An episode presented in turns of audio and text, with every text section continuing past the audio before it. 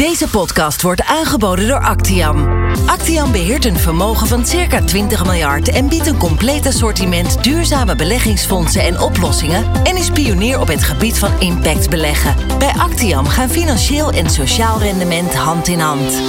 Actiam is responsible for growth. Welkom bij de Actiam podcastserie Beleggerspraat van Woord naar Daad. Dit is de derde en laatste podcast in de reeks van drie... waarin Corné van Zijl, stratege bij Actiam... en onder andere schrijver van het boek Centen en Sentiment... actuele beleggingsthema's bespreekt. Eight. En vandaag op de agenda staat de energietransitie. Ik ben Ron Lemmers, van harte welkom. Dit is de podcast Beleggerspraat van Woord naar Daad. Corné, wederom ook weer welkom in de studio.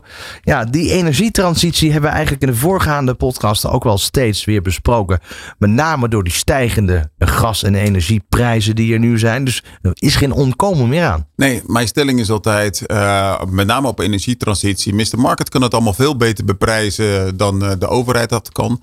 En door die extreme beprijzing van Mr. Market, uh, beseft iedereen opeens van, oh, ik moet nu toch ook zelf wel eens wat gaan doen. En ik kan het niet alleen maar aan de overheid overlaten. En dus zie je dat de energietransitie in de versnelling komt.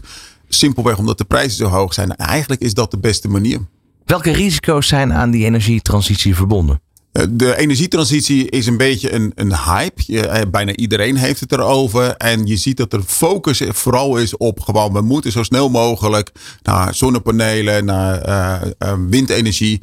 En dat is hartstikke leuk, maar daar kan je de economie niet op laten draaien. A, omdat het nog veel te beperkt is en dat je nog een hele weg te gaan hebt. Maar bovenal omdat het geen constante factor is. En dat is wel een probleem. En iedereen zegt dat er kolencentrales uit moeten. En er kunnen ook betere manieren zijn, of minder vervuilende manieren zijn. Maar je moet wel voor zorgen dat er een constante bron is.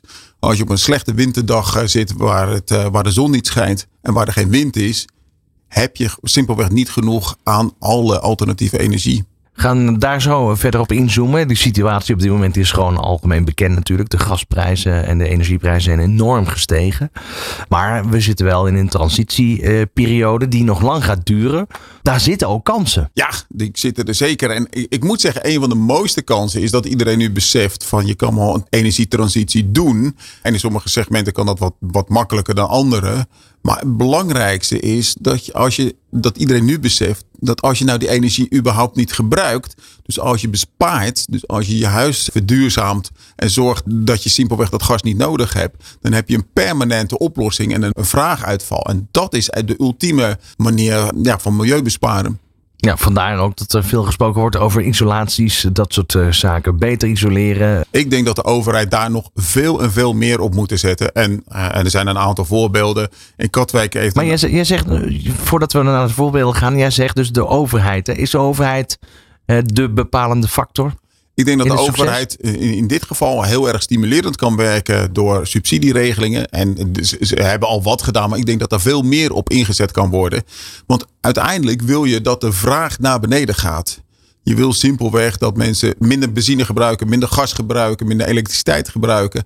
En zorgen dat je daar zo efficiënt mogelijk mee omgaat. Dus als je het gebruikt, dat het op een hele zo duurzame manier gaat. Maar zorg vooral dat de vraag naar beneden gaat. En wat je ziet, en je noemde net al even Katwijk, lokale initiatieven zijn vaak ja, een bron van succes voor ja, ik, ik heb daar een paar initiatieven gezien van woningcorporaties. waarbij ze huisblokken hebben neergezet. Puur nieuwe woningen waar zo is ingezet op het energieverbruik dat ze per saldo netto leverancier van energie zijn. Ik denk als je zo ver kan komen en als je dat soort voorbeelden hebt, ja, rol het uit door het hele land zou ik ja, zeggen. Zero emissie doel je dan op? Ja, we willen, we willen overal, uh, we willen heel veel huizen bouwen, want er is een huizenbouw, uh, huizentekort. Als je dat doet, hou dat in, in dit in je achterhoofd, dat, dat het dus mogelijk is om zelfs per saldo energie op te leveren. En ik moet zeggen, ik zie wel eens van die nieuwe huizenblokken. En dan zie je dan één zo'n zonnepaneel als een soort schaamte ding erop zitten.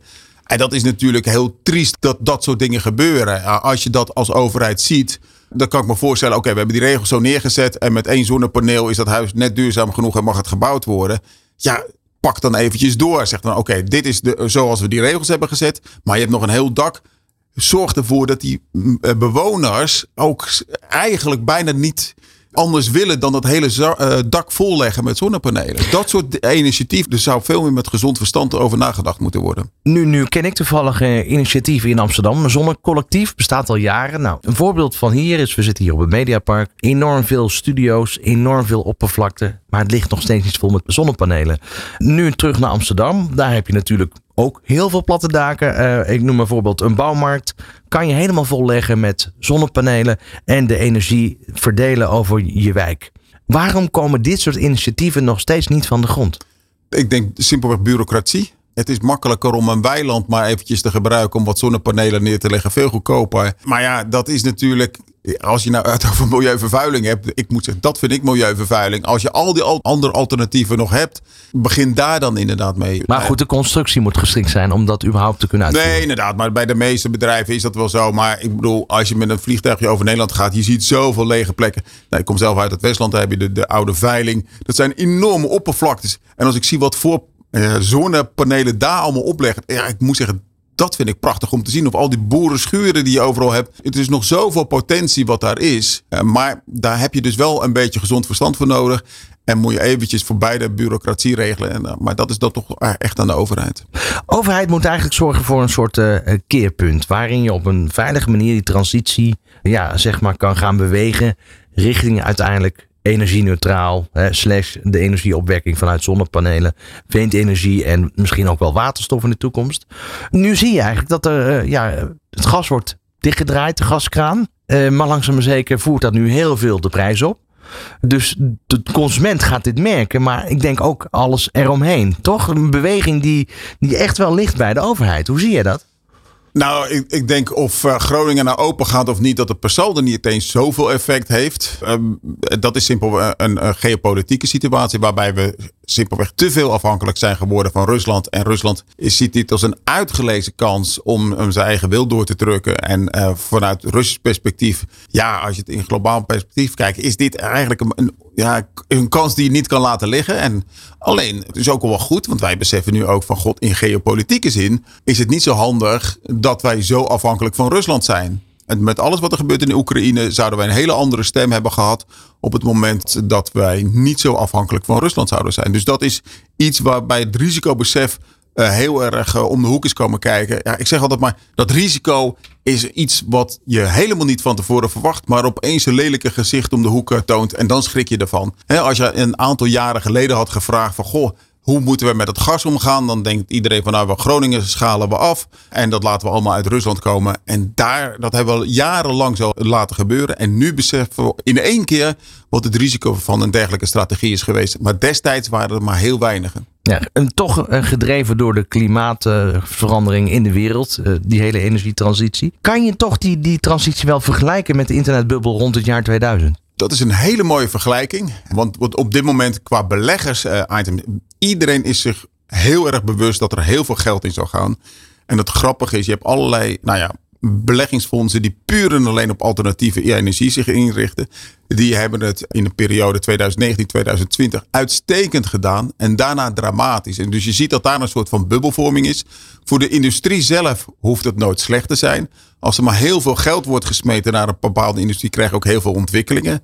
Nou ja, om weer die vergelijking met de internetbubbel die je zo terecht uh, te trekken. Ook toen is er heel veel geld naar internetachtige omstandigheden gegaan. Er is heel veel uitgekomen. Beleggers hebben daar een flinke veer moeten laten. Want 99 van de 100 bedrijven zijn failliet gegaan of bestaan niet meer. Of zijn overgenomen voor een halve krat. Maar daar hebben we wel echt een enorme ontwikkeling. En dat is de basis van het internet wat we nu hebben. Hetzelfde gaat, kan je zeggen, voor de alternatieve energie. Ook daar wordt nu waarschijnlijk veel te veel geld gesmeten. Maar moet je als belegger wel eventjes voorbij de hype gaan kijken. Van je wil niet in die hype beleggen, want dat levert hele slechte rendementen op. Op lange termijn moet je kijken van waar zijn er nou echt de mogelijkheden. En wil je in de Amazon en de Googles in de alternatieve energie beleggen. En dan kan je ook rendement maken. Maar inderdaad, het is een hype geweest. Maar die bubbel is nu ook al redelijk uh, leeggelopen. Dus misschien biedt het juist kansen. Geruststelling dus eigenlijk. Ja, dat we in ieder geval de bubbelfase al achter de rug hebben. Wat is de impact van de energietransitie op de inflatie eigenlijk? Nou, het betekent wel, uh, niks is voor niks. En dan hangt hier ook al een prijskaartje aan. Op het moment dat je dus gaat investeren in alternatieve energie, wil dat zeggen dat er ook een, waarschijnlijk een hoge eh, prijs aan hangt. Elisabeth Snabel van eh, de ECB heeft daar ook al over gepraat. En gezegd van ja, het gaat wel voor een permanente hogere inflatie zorgen. En dat betekent ja, dat je dus wel meer geld daaraan kwijt bent. Maar het is ook nodig. Het is een vervelende boodschap. Maar ik denk wel een hele reële boodschap. Dat je er simpelweg meer aan kwijt bent. Voor degenen die e- veel energie gebruiken, zou ik zeggen.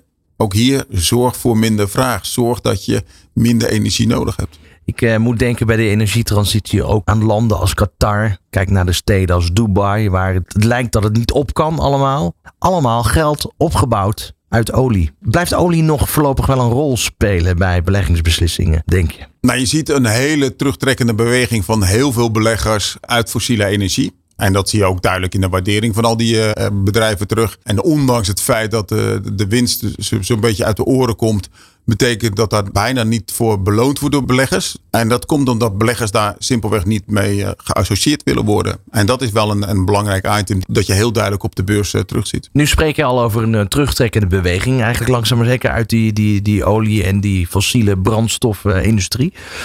nu begon ik net met het voorbeeld Dubai. Hoe lang gaan ze daar nog profiteren van het feit dat olie nog steeds wordt opgepompt? En andere landen natuurlijk. Dat is een hele goede vraag. Want wat mij opvalt in discussies hier in Nederland, dat iedereen zegt: well, ja, maar je rijdt zelf al een elektrische auto. Dus straks hebben we helemaal geen benzine meer nodig. Die mensen vergeten dat de wereldvraag naar olie niet afhankelijk is van wat wij in Nederland gebruiken. En wat je ziet is dat er nog steeds een trendmatige groei van olieverbruik is. Een mooi voorbeeld vind ik altijd Noorwegen. Noorwegen heeft heel erg ingezet op uh, elektrische auto's. Daar zie je dat uh, nu 80, 90 procent van de totale vraag naar nieuwe auto's is puur elektrisch. Dat is hartstikke goed. Maar als je gaat kijken wat de olievraag van uh, Noorwegen is geweest over de afgelopen 10 jaar, die is nul geweest. Nou, nul is al een heel stuk minder dan wat we in de wereld hebben gezien. Want de trendmatige groei in de wereld is nog steeds 2%. En dat blijft voorlopig ook nog wel even zo. Want er zijn hele grote gebieden die nog steeds meer olie gebruiken. Dus ik ben bang dat we voorlopig nog wel meer olie zullen gebruiken. En dat die trendmatige groei pas heel langzaam en veel langzaam dan wij Nederlanders zou, graag zouden willen, maar naar beneden zal gaan. Ja, nu wordt er veel gesproken over olie als brandstof. Maar olie is natuurlijk ook een, een product wat gebruikt wordt in bijvoorbeeld plastic. Ja, olie is een. Uh, en dat is ook een van de redenen gelijk waarom bijvoorbeeld in Noorwegen. daar is de plasticindustrie wat groter geworden. en die verbruikt meer olie. En ja, dat soort aspecten moet je dus wel meenemen. En de olie is inderdaad niet alleen simpelweg om je auto op te laten rijden. Blijft olie nog wel een, een, een rol spelen bij beleggingsbeslissingen? En zo ja, voor hoe lang nog? Nou, bij beleggingsbeslissingen speelt het uh, steeds minder een rol. Veel beleggers willen daar gewoon simpelweg niet in beleggen. En de vraag naar olie ja, we hebben de afgelopen jaren gezien dat ondanks het feit dat we in Europa en in mindere mate ook in de Verenigde Staten toch wel drukken op het minder gebruik van olie en uh, naar alternatieve energie, zie je dat de vraag wereldwijd nog steeds aan het groeien is. En ja, simpelweg het aanbod is afhankelijk van, uh, van de OPEC. En wat je ziet, omdat al die beleggers veel meer drukken op, het, op al die oliemaatschappijen die daardoor minder gaan investeren, betekent dus dat het aanbod in de toekomst minder zal gaan worden. Nou ja, op zich betekent dat een hogere olieprijs. Dat is in feite een heel goede ontwikkeling voor alternatieve energie. Laat die olieprijs maar 200 dollar per vat zijn. Dan gaan we echt wel meer en harder nadenken over het minder verbruik en alternatieve energie. Is het uitsluiten van bedrijven, een, kan dat werken als een katalysator voor de energietransitie? Of, of, of denk je dat het juist uh, is dat je met bedrijven in gesprek moet gaan? Ik ben altijd voor een gesprek. Uh, uit een gesprek kan je veel meer halen. En uh, uitsluiten moet je nooit uitsluiten, om maar even zo te zeggen. Om de simpele reden dat dat echt een ultiem middel moet zijn en dat is wel iets wat je denk ik, eh, je kan veel meer bereiken als je met die bedrijven praat. Bij Actium zijn we in een heel vroeg stadium bij Follow This uh, betrokken. Dat is de organisatie die Shell de andere kant, meer de alternatieve kant wilde opdrukken. Ik denk dat dat heel erg goed gelukt is. En eh, ja, daarmee bereik je uiteindelijk meer. Ik zie dat sommige pensioenfondsen zeggen, nou ja, we laten alles maar links liggen. We beleggen er helemaal niet meer in. Ja, ik moet zeggen, dat, dat valt bij mij onder het Pontius Pilatus principe. Ik was mijn handen schoon en dan is het probleem opgelost. Het probleem is niet opgelost. Bij iedere beslissing, ook iedere beleggingsbeslissing die je doet, moet je nadenken, wordt de wereld er nou uiteindelijk beter van? En op het moment dat jij je aandelen Shell gaat verkopen of per definitie gaat uitsluiten, wordt de wereld er niet beter van. Nu heb je Shell als, eh, als een goed, uh, goede metafoor neergezet, want dat kennen we natuurlijk allemaal. Um, nu is Shell, is het niet een beetje laat uh, waarop zij die transitie zijn ingezet? Ja, dat blijft natuurlijk een voortdurende discussie. Je ziet dat ze wel de beweging aan het maken zijn. Uh, naar onze optiek zijn ze te langzaam geweest en dan hadden ze daar meer op kunnen doen. Vandaar dat Shell nog niet belegbaar is voor ons. We praten wel met ze, maar de beweging is te langzaam en er zijn betere bedrijven die dat wel hebben gedaan. Deze podcastreeks heet Beleggers praat van woord naar daad. Wat kunnen beleggers nu doen als het gaat om die energietransitie? Ik bedoel, je kan erin stappen, maar ja, je kan natuurlijk ook bepalen of je daar uh, gespreid mee begint of dat je er volledig in gaat, toch? Ja, ik, ik, denk dat de energietransitie enorme kansen biedt. Uh, met name bij bepaalde bedrijven die daar heel veel van kunnen profiteren. Waar je dan wel mee op moet passen, is dat heel veel beleggers dat al zien. En dat je, uh, zoals ik al eerder had gezegd, dat je in bepaalde bubbels uh, ziet in dit soort segmenten. Daar moet je denk ik even voor oppassen, want dat komt niet ten goede van je rendementen. Maar er zijn ook heel veel bedrijven die veel met de energietransitie doen, die nog wat onder de radar zitten, waar je wel mogelijkheden ziet. Ik zou dat lekker aan onze portfolio managers bij Actium overlaten. Dank voor het luisteren naar de Actium podcast Van woord naar daad. Dit was alweer de laatste dus van deze reeks. Wilt u meer informatie over wat Actiam voor u kan betekenen? Ga dan naar de website www.actiam.com. Hier kun je dus ook alle podcasts terugluisteren. Dank voor het luisteren naar de Actiam podcast-serie Beleggerspraat van woord naar daad. Bent u benieuwd hoe u zelf deze actuele thema's in uw beleggingsportefeuille kunt adresseren? Neem contact op of schrijf u in via onze website actiam.com. Op deze website treft u onder andere het fondsoverzicht met alle Actiam beleggingsfondsen, de financiële resultaten en duurzaamheidsinformatie, zoals bijvoorbeeld het watergebruik en het aantal uitgesloten bedrijven. Ook kunt u hier alle podcasts terugluisteren.